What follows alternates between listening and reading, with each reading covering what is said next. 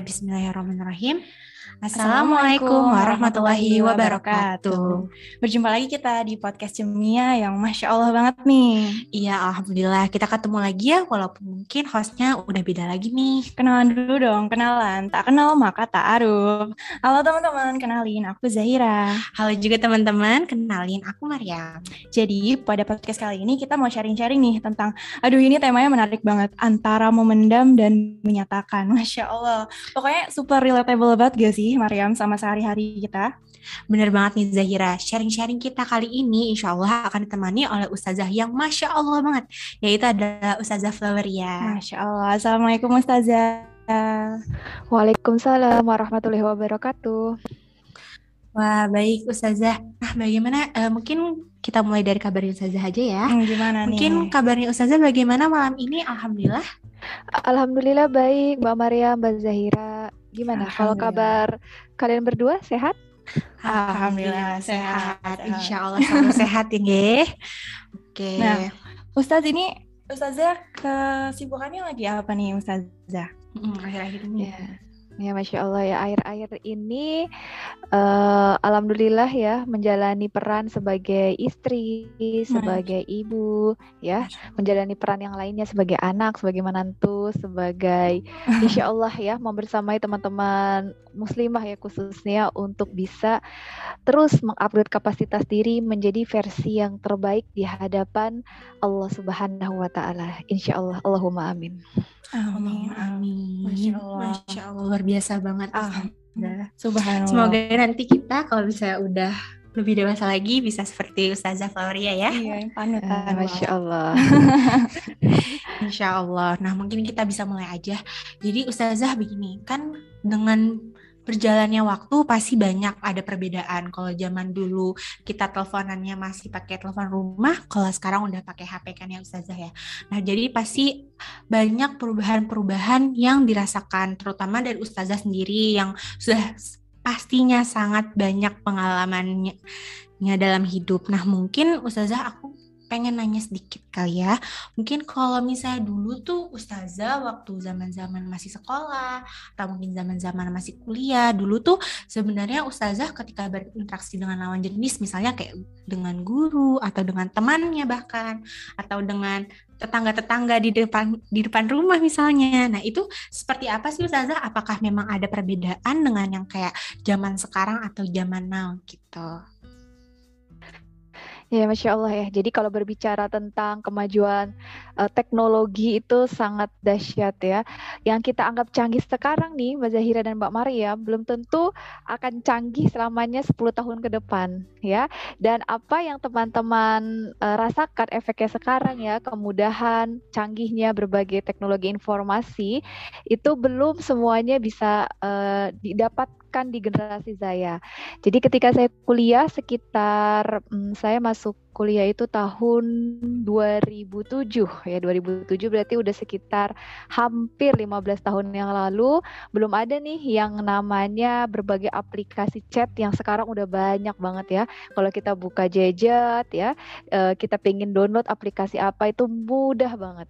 Bahkan saya ingat nih Mbak Zahira sama Mbak Mariam ya ketika dulu saya kuliah ngerjain tugas yang namanya harus cari bahan ya karena saya dulu kuliahnya di Fakultas Ilmu Sosial dan Politik ya jurusan Hubungan Internasional. Dan kalau bicara tentang tugas berarti kan harus cari informasi ya. Kalau misalnya cari informasi itu uh, kalau nggak ke perpustakaan karena saya keterbatasan untuk kuota dan zaman saya itu kuota untuk internet tuh masih mahal banget maka saya itu larinya ke warnet. Nih kalau zaman sekarang mungkin banyak tapi tidak sebanyak zaman saya ya. Sekarang sudah mudah sekali nih di tangan teman-teman, di gadget teman-teman. Dalam sepersekian detik teman-teman bisa menjelajahi dunia dengan sangat mudah. Nah, kalau di zaman saya benar-benar harus berjuang nih Mbak Zahira dan Mbak Mariam dan juga teman-teman hmm. pendengar semuanya. Malam-malam ya. Alhamdulillah saat itu kosan saya itu deket sama warnet, saya harus jalan, saya harus cari bahan. Dan teman-teman tahu kan kalau di warnet itu kan ada waktunya ya, ada durasinya. Mm. Kalau udah lebih berapa menit tuh bisa kena charge ya, kena hitungan jam berikutnya. Nah, yeah, jadi ada ekstra. kita hmm, ada ekstra. Jadi kita harus betul-betul memanfaatkan waktu dengan baik. Berarti kalau kita uh, sewa bukan sewa ya tapi ya kita pakai paket satu jam ya udah satu jam harus selesai nah kalau sama sekarang kan karena kita punya sendiri gitu ya uh, unlimited terkadang kita sih niatnya mau ngerjain tugas. Nah tapi godaannya besar ya Mbak Zahira sama Mbak Mariam ya. Masya Allah besar Betul, sekali. jadi besar banget. Awalnya mau nyari bahan tapi ternyata scrolling kabar-kabar apa nih uh, dari uh, para influencer dari para selebgram gitu ya atau dari uh, para idol-idol. Nah jadi waktu untuk kerjaan tugas jadi berkurang. Nah, itu yang pertama. Yang kedua, uh, terkait ini uh, chat ya. Di zaman saya belum ada yang namanya aplikasi berwarna hijau atau berwarna biru nih. Sekarang kan teman-teman punya ya di gadget masing-masing atau warna-warna yang lain. Di zaman saya itu ya sebatas SMS. Kok sekarang SMS kayaknya lebih mahal ya dibandingkan Iya, sudah mahal banget. Apalagi beda provider, wah udah nambah lagi nih. Kalau di zaman saya itu SMS ya. Uh, telepon itu mahal banget di zaman saya. Jadi ya komunikasinya saat itu ketika saya kuliah ya uh, aktivis di kampus ya kami komunikasinya SMS. Gak ada yang namanya grup-grup khusus ya. Jadi SMS dan untuk sosial media ya aplikasi yang uh, sekarang kan ada yang berbagai macam nih teman-teman ya komunitas-komunitas mudah. Nah kalau di zaman saya ya biasanya kami kalau memberikan informasi kegiatan kami itu ya mengandalkan pertama SMS ya. Yang kedua ya ditempel gitu ya di mading gitu ya di tempat-tempat umum yang bisa dilihat sama banyak orang. Kalau sekarang kan kayaknya mudah banget ya. Kita searching posternya tuh udah e-poster. Ya udah canggih ya masya Allah. Jadi uh, semakin zaman semakin canggih ya ujiannya makin berat ya godaannya makin banyak. Karena setiap zaman itu nggak bisa dibandingin ya teman-teman ya. Di zaman saya plus minusnya ada. Di zaman teman-teman sekarang plus minusnya juga ada. Jadi tugas kita adalah tetap bertahan ya di tengah kecanggihan teknologi dengan identitas kita sebagai muslim yang taat. Seperti itu Mbak Zahira dan Mbak Mariam. Masya Allah, Masya Allah Dokter Paulina. Kalau misalnya nih dulu di zaman kuliah itu kan berinteraksi dengan lawan jenisnya itu kan juga sangat rentan gitu ya. Apalagi kita juga mm -hmm. walaupun kita di ya, Universitas Islam, tapi kita tuh nanti diskusi kelompok tutorial itu juga bareng sama ada ikhwannya juga gitu. Apalagi kalau misal penugasan juga bisa ya, hmm. Mariam. Penugasan tuh kadang dua orang gitu, Staza. Kadang kita tuh dapat kelompok itu sama cowok. Nanti kita tuh hmm. bakal diskusi gitu kan, harus diskusi tentang penugasannya. Nanti tuh bakal pakai Zoom gitu, Staza. Kira-kira kalau misalnya kita diskusi berdua dengan cowok gitu, Staza, apakah boleh gak sih di dalam Islam itu? Dan mungkin kan awalnya emang ngobrolin tentang penugasan, tapi kan takutnya nanti lama-lama ngobrol, lama-lama curhat curhat. Nanti lama-lama nyaman lebar, gitu ya ke mana-mana ya Kak Zahira. Itu iya. gimana ya Ustazah jadi semuanya berawal dari kenyamanan kali ya. iya betul saja. Benar. Oke. Okay. Kalau ditanya boleh nggak sih kita berinteraksi dengan lawan jenis ya tentu saja agama kita bukan agama yang uh, menyusahkan ya. Agama ini adalah agama yang mudah ya. Hmm. Ajarannya sangat mudah, tapi bukan berarti kita memudah-mudahkan setiap hal. Termasuk di antaranya ada interaksi dengan lawan jenis. Kan tidak mungkin ketika kita berpikir atau mengambil sikap aku benar-benar gak mau nih uh, berkomunikasi dengan lawan jenis kan katanya fitnah gitu ya. Katanya uh, takutnya ada terjadi sesuatu. Nah, tapi kenyataannya kita itu hidup berdampingan tidak hmm. hanya dengan sesama perempuan saja atau tidak sama dengan sesama laki-laki saja saja, tapi kita memang ada laki-laki dan perempuan. Nah, itu poin yang pertama. Artinya apa? Ya bukannya masalah boleh tidak boleh, tapi memang itu sesuatu yang tidak bisa untuk dihindari. Apalagi ya uh, di instansi-instansi pendidikan kita sekarang, baik itu di sekolah, di bangku perkuliahan, atau di tempat teman-teman nanti bekerja, ya teman-teman bisa bekerja di rumah sakit, di puskesmas, atau hmm. bermuamalah dengan banyak orang, ya kita kan nggak bisa milih nih, misalnya teman-teman nih dari kedokteran nih, aku ini deh nanti uh, sama maunya sama pasien perempuan aja gitu ya. Atau yang laki-laki aku mau sama pasien yang sesama laki-laki aja kan nggak bisa seperti itu. Nah mm-hmm. jadi itu poin yang pertama nggak bisa kita hindari. Yang kedua ketika kita sudah tahu bahwa hal itu tidak bisa dihindari berarti harus ada adat yang untuk menjaga interaksinya. Boleh tapi dengan berbagai adab atau dengan berbagai syarat.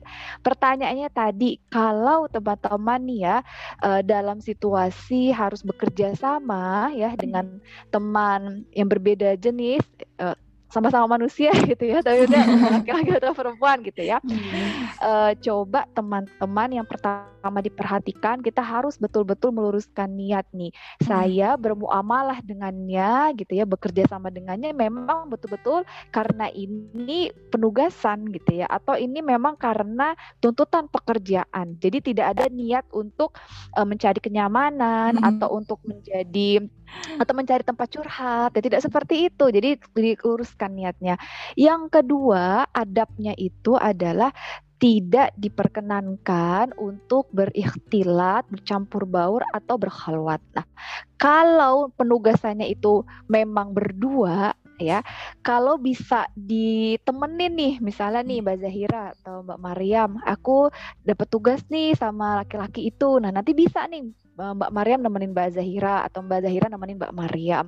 Walaupun yang diskus itu berdua ya Mbak Mariam dengan partnernya atau Mbak Zahira dengan partnernya tapi setidaknya ada orang ketiga hmm. ya orang ketiga yang uh, ya ikut ya ikut membersamai. Karena begini kalau hanya berdua saja baik itu online maupun offline ya tidak ada pihak ketiga catatannya pihak ketiga ini harus yang uh, ini ya harus yang berakal. Artinya bukan ya kita ngajak adik kita yang masih belum akil balik gitu ya oh. atau keponakan ini nemenin yuk ini uh, om sama tante mau ngobrol. Nah nah tapi nggak ngerti ya anak ngobrolannya iya. apa.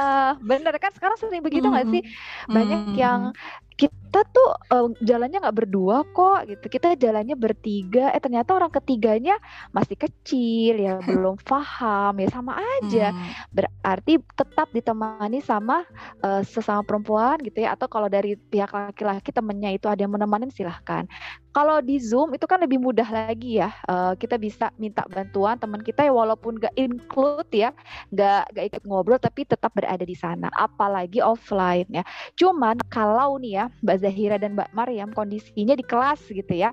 Dan hmm. penugasannya misalnya berpasangan ya artinya memang laki-laki dan perempuan. Nah tapi kan mereka tidak berdua, artinya di sekelilingi sama orang-orang yang lain kan, tidak dalam kondisi di ruangan tertutup yang ngerjain berdua. Nah itu lebih banyak lagi tuh uh, ujian atau cobaannya. Nah makanya penting sekali untuk pertama luruskan niatnya dan yang kedua tetap diusahakan sekali untuk tidak bercampur baur dan berikhtilat, berkhalwat dan berikhtilat. Begitu Mbak Maryam dan Mbak Zahira. Masya Allah, Masya Allah banget ya dari jawabannya Ustazah sangat Pas banget deh. Pas banget. Ini menjawab banget. Kalau tadi kan terhadap teman nih Ustazah. Kalau misalnya uh -huh. sama guru gitu Ustazah sama dosen, sebenarnya batasan-batasan itu seperti apa sih Ustazah? Kan kalau misalnya sama dosen pembimbing gitu, uh -huh. uh, kan biasanya ada yang request gitu Ustazah, mungkin ada yang diharuskan untuk datang ke rumah beliau atau mungkin beliau uh -huh. request untuk masuk ke ruangannya. Nah, itu bagaimana Ustazah dalam menyikapinya? Uh -huh. Iya. Betul ya, jadi yang namanya adab interaksi sejatinya kita tidak uh, memandang ya uh, apakah profesinya gitu ya. Uh, tidak ada standar ganda. Artinya kita uh, menjaga pandangan kalau dengan teman yang usianya sama dengan kita gitu ya atau sesama uh, ya sesama teman lah. Tapi harapannya kita juga dapat menerapkan itu kepada orang-orang yang lain pula ya. Itu kondisi uh, poin yang pertama. Yang kedua kalau memang ada kondisi yang uh, sulit ya kita untuk uh, mengajak teman, ya misalnya ada bimbingan, biasanya bimbingan berdua hmm. ya sama uh, dosennya. Nah, yeah. kalau pengalaman saya dulu ketika kuliah uh, dosen pembimbing saya itu juga laki-laki ya. Uh, saat itu laki-laki juga uh, ketika bimbingan ya memang seringnya diminta ke ruangan tetapi dalam kondisi ruangan itu adalah ruangan yang bisa dilihat oleh orang Ya, maksudnya tidak yang sangat tertutup gitu ya. Karena kalau memang ruangannya itu sangat tertutup ya dan namanya godaan ya, setan itu kan bisa masuk dari celah mana saja. Nah, itu akan sangat riskan. Nah, tetapi kalau memang teman-teman sudah berusaha gitu ya, sudah betul-betul menjaga sikap ya, juga menjaga pandangan walaupun dengan dosen gitu.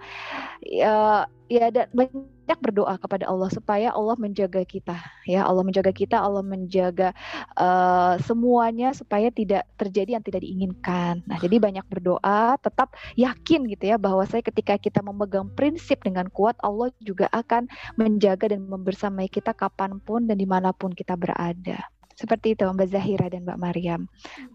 terima kasih Ustazah nih atas jawabannya. Kalau misalnya orang-orang tuh banyaknya yang beranggapan kalau misalnya bersentuhan langsung kulit hmm, dengan kulit.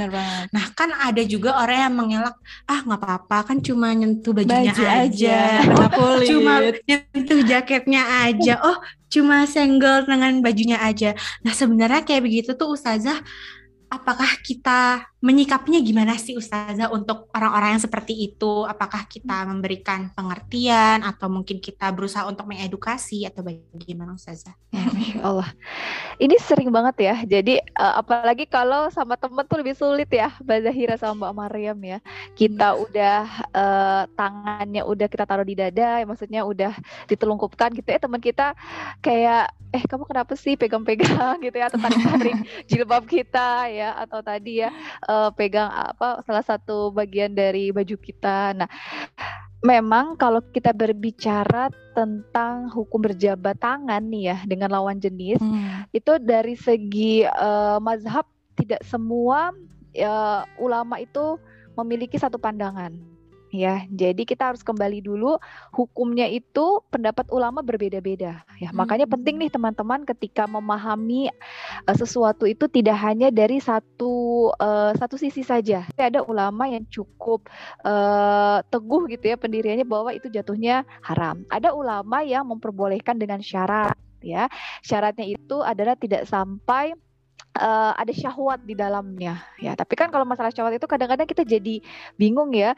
Uh, itu sesuatu yang eh, nggak uh, semua orang bisa merasakan ya. Kita merasa salaman nggak bersyahwat tapi kan walau alam yang kita salamin itu bagaimana kan kita tidak tahu. Nah jadi untuk berhati-hati terkait hal itu ya jatuhnya ya kita menghindari ya.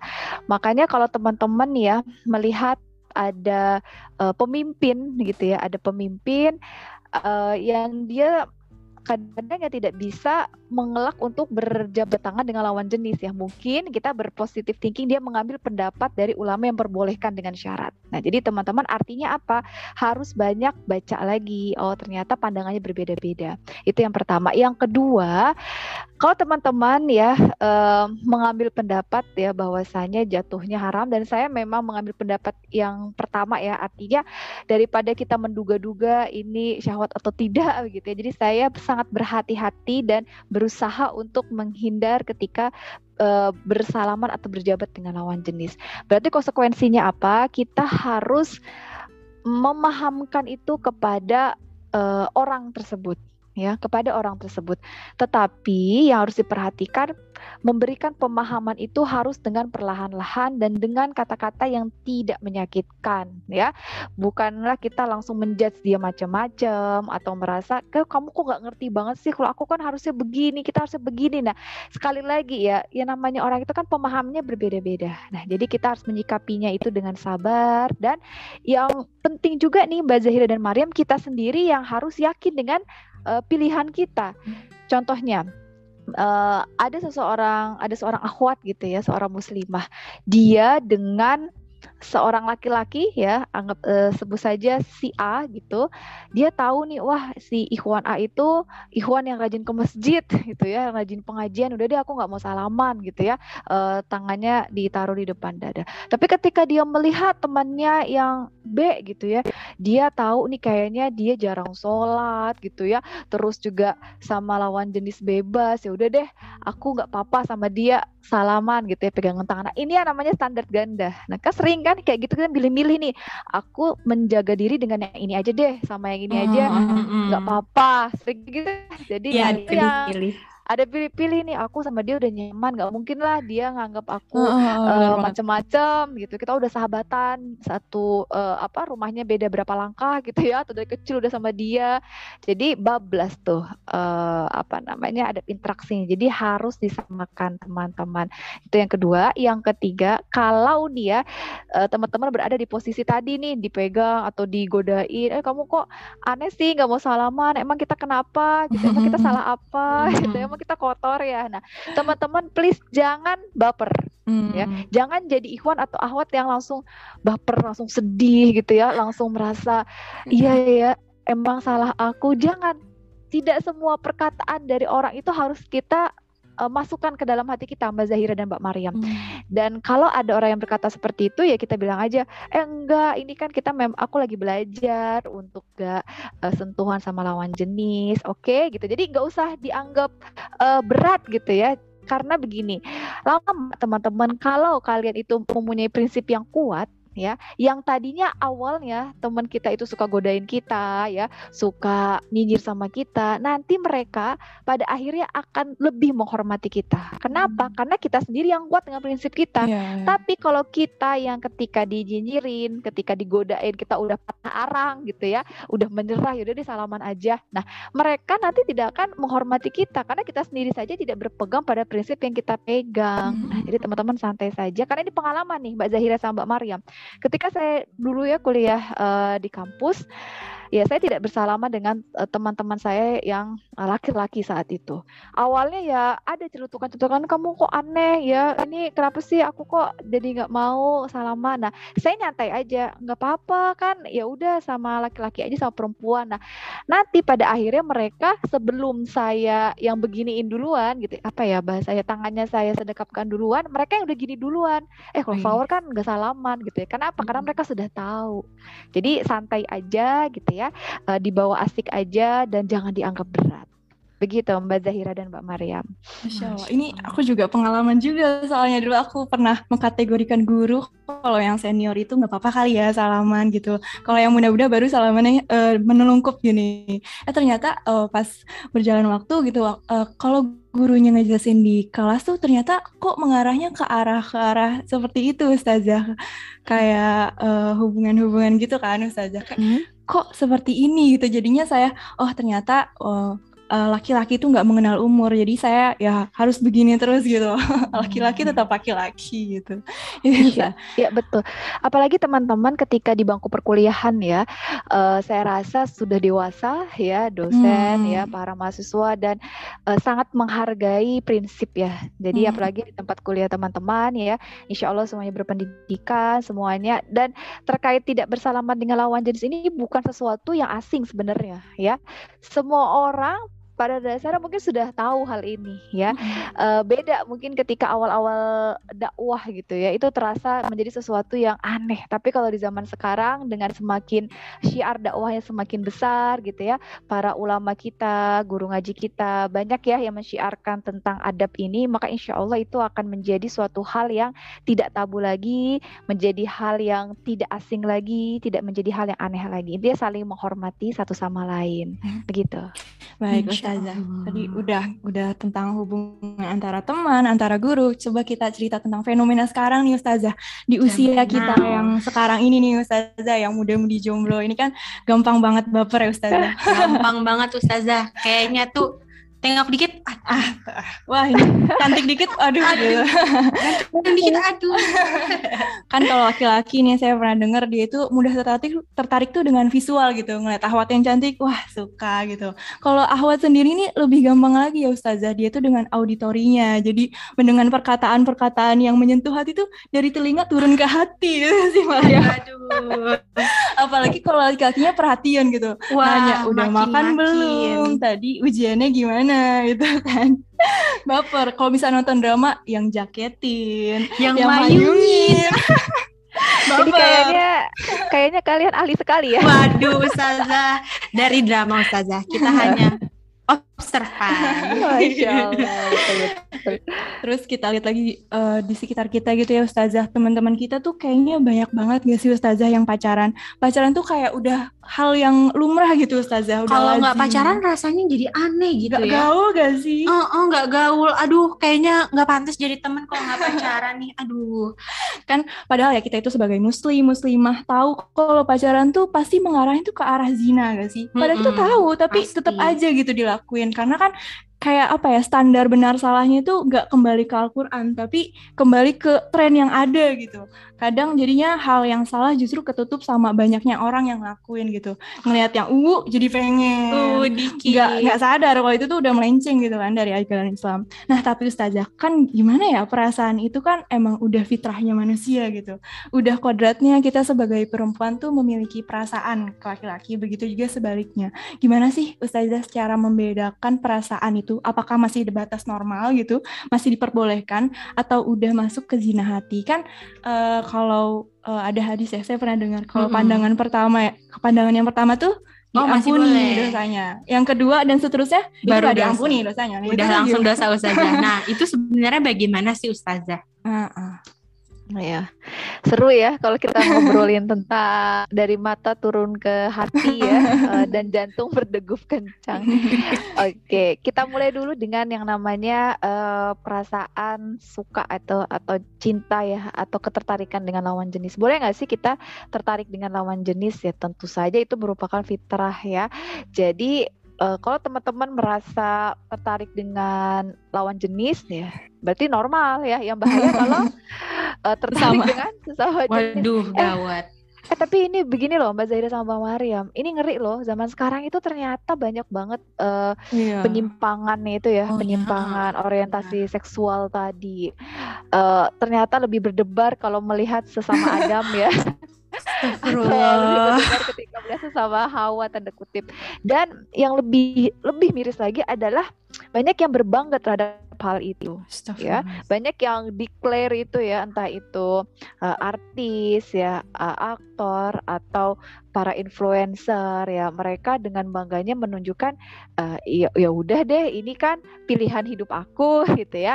Uh, ini kan orientasiku gitu ya. Ya udah kalau misalnya kalian nggak suka ya ya udah itu urusan kalian. Yang penting ya ini hidup aku hidup aku. Kan ada yang seperti itu ya. Hmm, ada, dan ada. yang bahaya lagi ternyata di, diikuti oleh banyak orang ya hmm. paham-paham itu kayak iya ya itu kan haknya dia gitu ya untuk suka sama siapa uh, ya udahlah kita nggak usah komentar hidup hidup dia nah kalau kita sampai mer sampai merasa gak apa-apa deh sama sesuatu yang sebenarnya itu bukan perkara yang ringan. Nah, itu udah bahaya tuh. Karena uh, iman itu, teman-teman, uh, yang terendah itu ya keimanan seseorang itu adalah kalau hatinya saja tidak merasa baik-baik melihat sesuatu yang mungkar ya. Artinya kalau teman-teman melihat sesuatu yang buruk gitu ya yang jauh dari nilai agama dan hati kita biasa aja bahkan ya udah deh gitu ya bukan urusan aku. Nah itu bahaya tuh keimanannya. Itu padahal selemah-lemahnya iman loh. Ya kalau kita melihat kemungkaran. Makanya yang pertama tadi kalau kalian masih gitu ya uh, merasakan debar-debar ya dengan lawan jenis itu tandanya normal. Normal ya insya Allah ya. Alhamdulillah. Nah, tetapi yang namanya normal itu bukan berarti ya udah normal lanjut gaspol gitu ya nah ini jatuh cinta dalam agama apakah dilarang? Tidak nggak bisa. Karena Allah sendiri adalah yang maha mencintai. Ya al-wadud ya ar-rahman ya ar-rahim Allah itu maha pengasih maha penyayang. Tetapi kita inilah yang bertanggung jawab untuk mengelola perasaan itu. Mengelola perasaan itu. Kalau kita tidak bisa memanajemen perasaan kita, ya maka kita akan kebablasan. Banyak di luar sana yang sudah rajin ngaji, sudah uh, hafal gitu ya teori-teori. Kalau misalnya mendekati zina itu nggak boleh, tapi akalnya kalah oleh apa? Oleh hawa nafsunya ya. Udah tahu ini tuh nggak boleh dosa tapi setan itu lebih bisikin lagi udahlah nggak apa-apa nggak pegangan ini ya e, cuman saling mengingatkan untuk ikut kajian ya untuk membangunkan di sepertiga malam nggak apa-apa lah. Kan nggak bersentuhan nggak zina. Padahal zina itu sendiri kan banyak ya. Tadi sudah disebutkan ya ada zina mata ada zina uh, telinga zina hati dan sebagainya. Nah berarti yang kedua ini kita harus ca tahu cara mengelola perasaannya. Yang ketiga Uh, dalam sebuah hadis, uh, kalau tidak salah hadis yang diriwayatkan oleh uh, Ahmad ya kalau tidak salah mengatakan bahwasanya tidak ada ending yang paling indah dari dua orang yang saling mencintai selain dengan pernikahan, teman-teman. Hmm. Artinya, kalau teman-teman sudah siap untuk menikah, maka bertanggung jawablah terhadap perasaan cinta itu. Tapi kalau teman-teman masih kuliah gitu ya, masih profesi, masih punya amanah ya di komunitas kalian, ya berarti rasa cinta itu harus dikelola. Biasanya orang yang sulit untuk move on, ya sulit untuk uh, menanggalkan perasaan-perasaan seperti itu adalah mereka yang tidak disibukkan dengan kebaikan. Artinya apa Mbak Zahira sama Mbak Maria mereka banyak melamun ya. Kalau tadi kalau hmm. katanya suka nonton gitu ya lagi jatuh cinta nontonnya drama-drama yang hujan saling mayungi gitu ya. Uh, yang jatuh buru-buruan siapa yang ngambilin gitu ya. Yang makan suap-suapan. Terus apa lagi ya entah apa ya di setiap drama atau film itu hal yang sehari-hari itu kelihatan indah banget ya kalau di drama ya. Entah itu ada hujan ada pencahayaan. Tapi kalau kita bandingkan dalam kehidupan sehari-hari realitinya kan gak seindah itu. Nah tapi kita terbuai oleh tontonan. Nah, makanya hati-hati dengan tontonan, hati-hati dengan apa yang kita dengarkan. Berarti apa? Supaya kita tidak mudah ya untuk masuk terus ke dalam perasaan seperti itu, maka harus disibukkan dengan kebaikan. Energinya jangan dihabis untuk mencintai sesuatu atau mencintai seseorang yang gak jelas endingnya ya daripada banyak halunya daripada banyak uh, apanya ya imajinasinya ke mana-mana coba deh manfaatkan waktu kalian untuk produktif dalam ketaatan dalam kebaikan. Insya Allah seperti itu. Insya Allah Nih Ustazah, ketika kalau misalnya kita udah siap nikah nih Ustazah, gimana sih cara ngungkapinnya? Apakah ada syarat-syarat tertentu gitu? Kan kalau misalnya kita lihat dari sejarah, Ibunda Khadijah itu kan mengungkapkan duluan nih Ustazah kepada Rasulullah SAW gitu. Dan mungkin pertanyaan kedua nih, kan ada tipe orang yang kalau jatuh cinta tuh dia harus gitu ngungkapin Ustazah. Soalnya kalau nggak diungkapin nggak plong gitu. Ada yang ngerasa tuh kayak ada yang ganjel gitu. Itu oh, boleh gak iya, sih iya. Ustazah? Dan apakah kita tuh emang harus sabar aja gitu menahan perasaannya gitu gitu Anastasia. Iya, saya uh, menjawab dulu yang Bunda Khadijah ya. Mm. Betul ya, Bunda Khadijah memang ya yang menyatakan cuman Bunda Khadijah itu tidak menyatakan langsung kepada Rasulullah Shallallahu alaihi wasallam loh ya, tapi melalui mm. siapa? Melalui sahabatnya yang bernama mm. Nafisah ya. Jadi tidak tuh yang ada dalam siro itu Bunda Khadijah langsung to the point sama Muhammad ya saat itu kan belum menjadi nabi dan rasul. Oh, ya. Eh Muhammad, aku suka loh sama kamu, kamu mau nggak jadi suamiku? Nggak ada kayak gitu ya. Iya. Tapi yang dilakukan Bunda Khadijah apa? Bunda Khadijah itu menceritakan perasaannya itu kepada sahabatnya baru sahabatnya tersebut yang bernama Nafisah yang menyampaikan ya maksud ya tujuan dari Bunda Khadijah artinya apa boleh nggak sih uh, perempuan nih ya untuk mengungkapkan perasaannya silahkan ya tidak ada artinya perempuan itu harus selalu menunggu gitu ya harus selalu berdiam tapi kalau memang punya kecenderungan dengan seseorang ya silahkan. Cuman ada adabnya karena hmm. kita harus menjaga ini izah kita ya, menjaga harga diri kita sebagai perempuan. Cara apa ya kita bercerita ya, kita ungkapkan maksud dan tujuan kita kepada pihak ketiga yang amanah ya pihak ketiga yang memang dapat dipercaya yang paham akan permasalahan ini. Misalnya nih Mbak Zahira atau Mbak Mariam uh, su bukan suka ya, ya ada kecenderungan lah dengan seseorang lah. Coba cari pihak ketiganya bisa guru ngaji hmm. ya, bisa ustazah ya atau uh, sahabat yang memang betul-betul paham Nah, betul-betul paham tentang hal ini. Bukanlah pihak ketiga yang justru ngomporin, yang justru malah uh, menyebarkan berita ini ke banyak orang. Bayangkan Mbak Mbak Aryam sama Mbak Zahira baru cerita nih lagi ada lagi punya kecenderungan dengan seseorang dan ternyata pihak ketiga itu cerita di story-nya gitu. Eh tau gak sih Mariam sama Zahira itu tuh lagi suka loh sama si Iwan ini. Nah, jadi hmm. bukannya di keep gitu ya disimpan tapi di, apa diceritakan oleh banyak orang kepada banyak orang kan ngeri ya ngeri baru saja ngobrol gitu ya jadi pilihlah amanah gitu yang amanah dan menyampaikan dengan cara yang baik kepada si lelaki tersebut ya. Jadi ada perantaranya. Kenapa? Karena ini akan sangat-sangat menjaga harga diri dari perempuan tersebut. Jadi tidak menyampaikan secara langsung. Karena kalau kalau diterima ya alhamdulillah. Kalau ditolak coba Mbak Zahira bayangkan ya. Tambah, tambah. Perempuan perempuan itu kan uh, fase untuk healingnya lebih lama ya kayaknya ya. Uh, bapernya tuh lebih lebih lama gitu untuk move onnya. Jadi seperti itu. Dan uh, apakah boleh menyampaikan? Ya silahkan. Ya tapi tadi catatannya harus disampaikan dengan cara yang betul dengan cara yang tepat waktunya tepat dan dengan orang yang dapat dipercaya. Dan catatan lagi nih lupa, jangan sampai lupa nih Mbak Zahira sama Mbak Mariam. Kalau bisa pihak ketiga yang kita percaya itu kalau bisa ya bahkan sangat dianjurkan yang sudah menikah dan paham agama.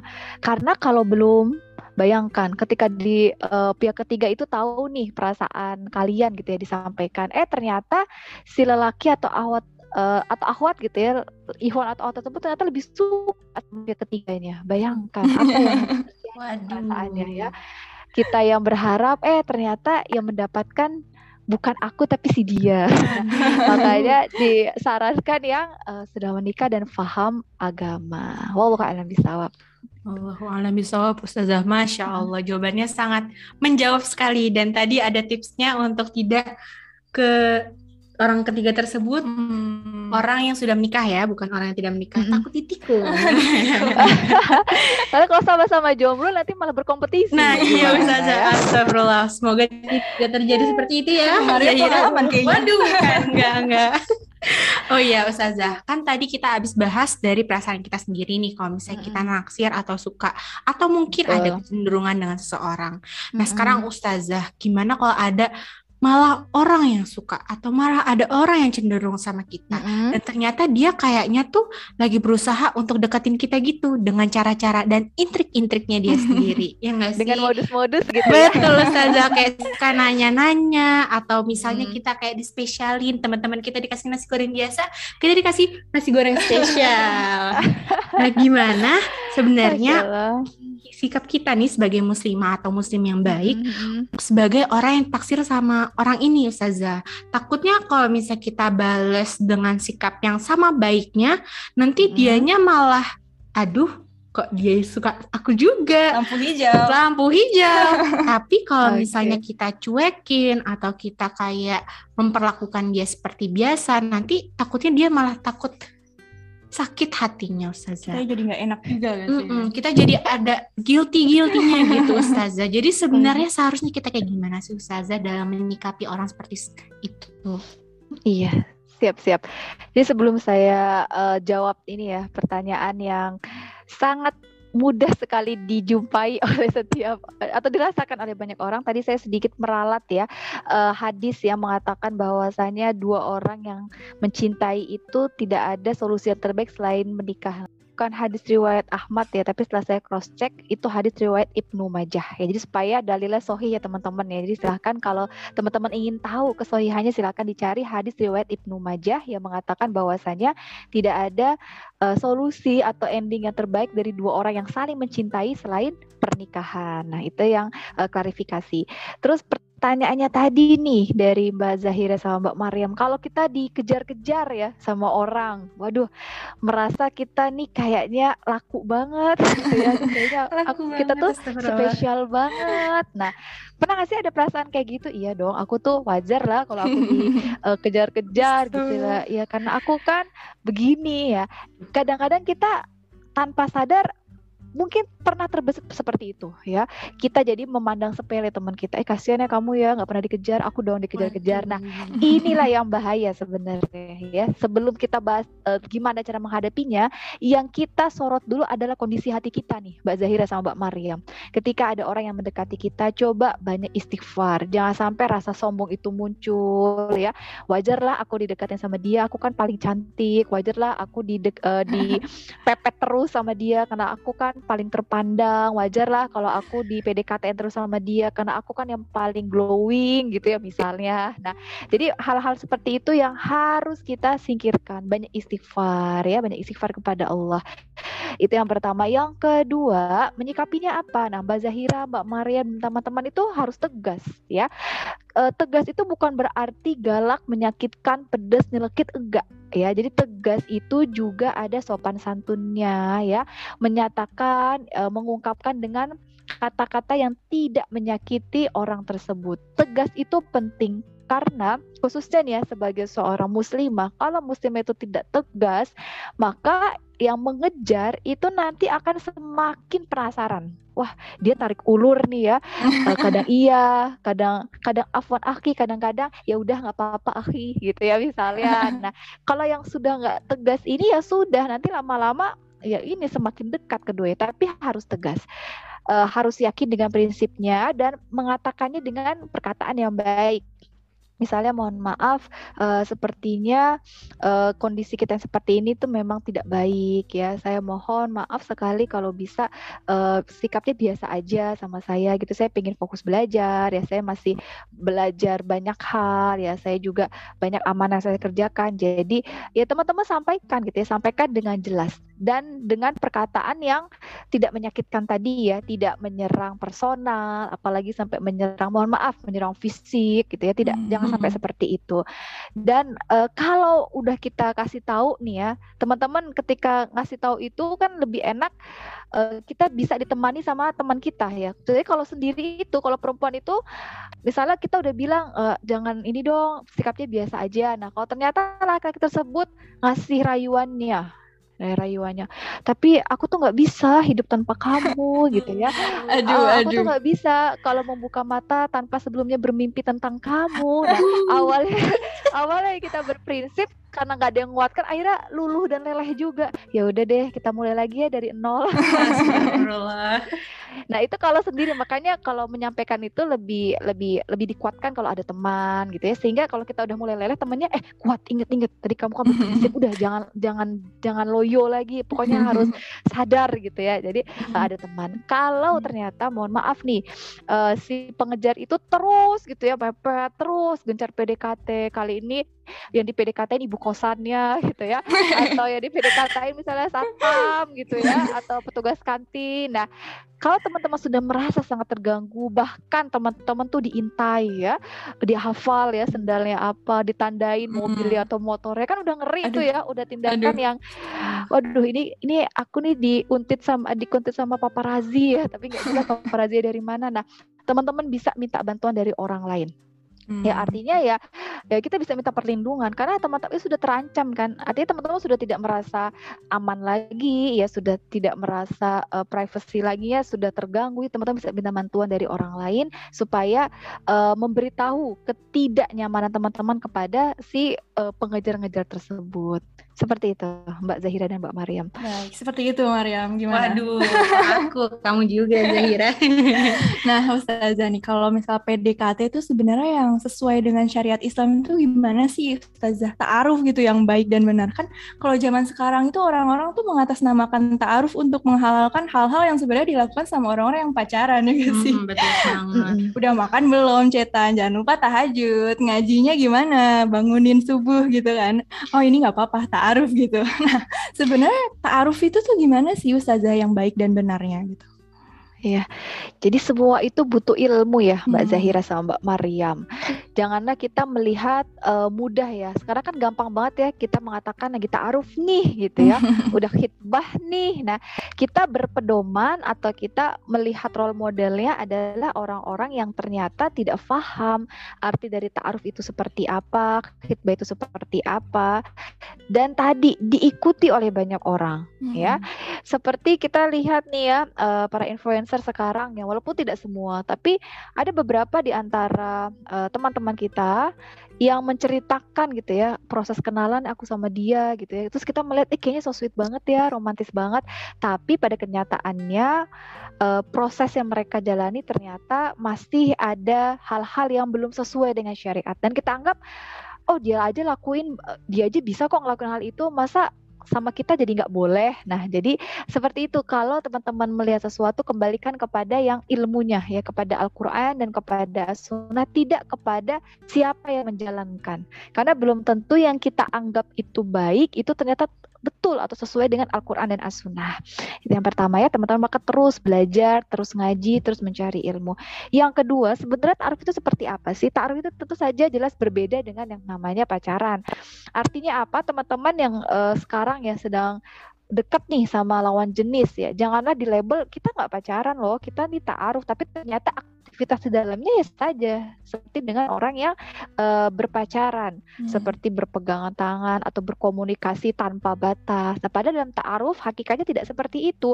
Tetap terjaga interaksinya. Uh, komunikasinya juga ada batasannya ya. Tetap terjaga auratnya. Artinya kalau orang yang sudah uh, lagi berproses ta'aruf itu kan belum tentu pasti nikah ya, Mbak Zahira sama Mbak hmm. Maryam ya. Hmm. Ya masih sama seperti orang-orang yang lain, tidak ada yang mengatakan setengah halal ya atau seperempat empat halal atau tiga halal tetap tetap sama saja berperilaku dengan teman-teman yang lain ya. Cuman orang yang taaruf itu nanti tujuannya adalah untuk menikah. Artinya yang ditanya itu ada sesuatu yang berhubungan dengan visi visi uh, visi misi pernikahan ya tentang bagaimana pandangan rumah tangga ya tentang bagaimana visi misi kehidupannya. Nah itu yang harus diperhatikan. Uh, dan tentang pacaran ya dengan ta'aruf ya sekali lagi orang yang ta'aruf itu ada pihak ketiganya ya hmm. ada yang uh, perantaranya jelas ke arah walinya. Kalau pacaran itu kan tanpa wali, tanpa perantara, ya cukup berdua saja. Tapi ta'aruf itu ya ada gurunya, ya yang pasti ada orang tua di dalamnya. Tidak semua aktivitas itu langsung diperbolehkan ketika sudah ta'aruf. Ya, jadi sama saja. Dan tentang hitbah nih uh, Mbak Zahira dan Mbak Maryam, banyak yang menyangka ya udah hitbah itu tadi sudah setengah halal, jadinya bisa ke mana aja. Alasannya kan udah mau nikah gitu ya, hmm. udah uh, pakai cincinnya udah sama gitu ya udah tutup cincin. Tapi ya sama saja belum menikah. Nah belum halal teman-teman. Halal kapan? Ketika sudah ijab kabul terucapkan dengan baik. Seperti itu ya. Jadi uh, pelajari lagi tentang ta'aruf ya, dijaga perasaannya. Dan uh, catatan tambahan ketika ta'aruf janganlah kita langsung memberikan 100% hati kita kepada si dia baru taaruf tapi kayaknya ngerasa ini udah pasti banget gitu ya. Uh, udah bener-bener memberikan segalanya. Karena wallahu alam apakah nanti prosesnya berlanjut atau tidak. Kalau kodarullah tidak berlanjut ya karena ada beberapa hal tapi kita sudah terlanjur memberikan banyak hal, sudah terlanjur memberikan banyak sekali harapan, uh, sudah terlanjur sangat bergantung pada sosok si dia maka nanti kita akan sulit sekali untuk bisa move on sulit sekali untuk bisa uh, melupakan ya dan uh, membuka lembaran hidup yang baru, membuka proses ya dengan sosok yang baru karena sudah terlalu cenderung dengan si dia. Jadi tetap hatinya itu netral ya, tetap hati itu terkoneksinya yang kuat kepada Allah ya dan banyak sekali beristighfar supaya ketika ujian-ujian itu datang, ya bisikan-bisikan setan itu datang, maka kita akan lebih mudah, lebih kuat untuk menghadapi semuanya. Seperti itu Mbak Zahira dan Mbak Maryam. Masya Allah Ustazah. Luar biasa banget, sangat menjawab ya. Sangat, Zahira. sangat menjawab. Udah terang banget pokoknya ini. Masya Allah, terang benderang ya. Kayak masa depan kita insya Allah. nah mungkin Ustazah, kita kan tadi Ustazah bilang kalau misalnya untuk menerima atau uh, untuk mengungkapkan itu tuh kita udah harus siap gitu untuk menikah. Sebenarnya untuk kita mengetahui kalau kita siap untuk menikah atau siap untuk ke jenjang selanjutnya itu tuh sebenarnya bagaimana sih Ustazah?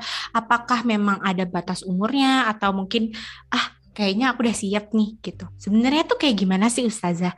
Dan terus uh, mungkin pertanyaan keduanya gimana caranya kita tahu kalau misalnya orang yang berusaha nih misalnya taruh dengan cara yang benar nih sebenarnya memang orang yang bibit bebet bobotnya itu sesuai dengan harapan kita sesuai dengan ya harapan-harapan kita di kehidupan misalnya atau secara agama atau secara finansial nah itu sebenarnya bagaimana sih Ustazah? Iya, uh, ini pertanyaan yang amat sering ya ditanyakan ketika um, berbagai kajian tentang pernikahan ya, khususnya tentang pra pranikah ya sebelum pernikahan. Bagaimana tahu kalau dia itu betul-betul jodohku gitu ya, yakin ya dengan si dia.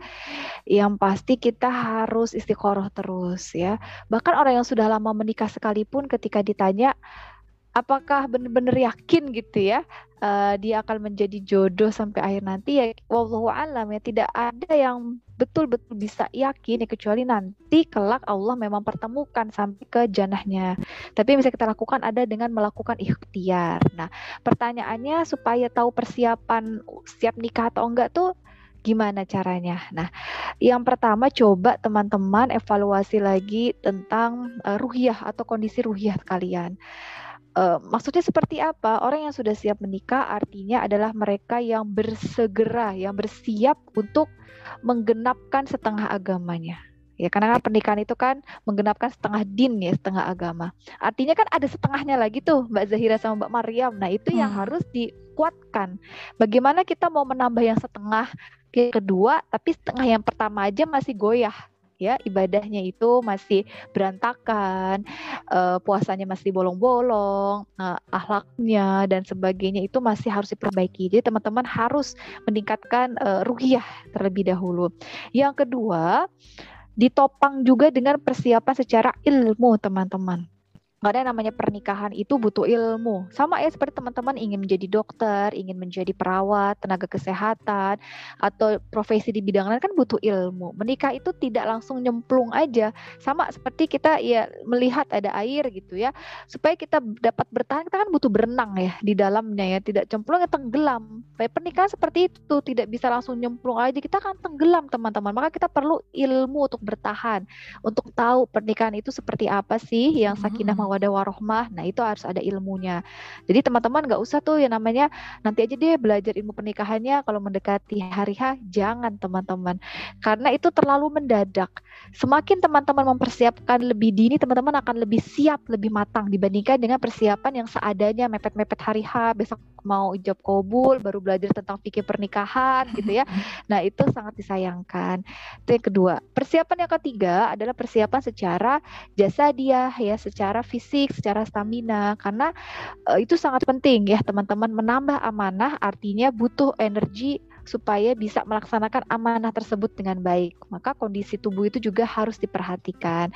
Yang keempat adalah persiapan dari segi maliyah ya. Untuk yang laki-laki nih, pers, uh, kalian harus tahu bahwa wajib hukumnya bagi suami itu untuk memberikan nafkah kepada istrinya. Ya berarti hmm. persiapan maliyah dari sekarang belajar tapi aku kan masih kuliah. Nah, janganlah menjadikan aku masih kuliah lah itu sebagai alasan untuk tidak mau bekerja ya. Dari sekarang belajar makanya menjadi muslim itu harus uh, belajar ya. Silahkan mau berbisnis ya mau buka usaha dan semua itu akan sangat membantu untuk persiapan maliyah. Terus yang perempuan seperti apa? Kan yang wajib memberikan nafkah laki-laki, yes. Tetapi perempuan juga harus tahu cara mengelola keuangan dengan baik dan benar.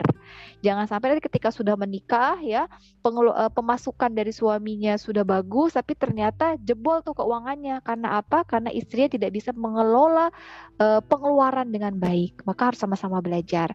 Dan yang kelima adalah persiapan dari segi sosial ketika sudah menikah berarti kita bertanggung jawab ya kepada keluarga kita. Kita sudah menjadi anggota dari masyarakat, sudah sebagai keluarga sendiri gitu ya. Maka harus ada tanggung jawab sosialnya. Dan jangan lupa lagi teman-teman untuk minta pendapat dari orang tua Hmm.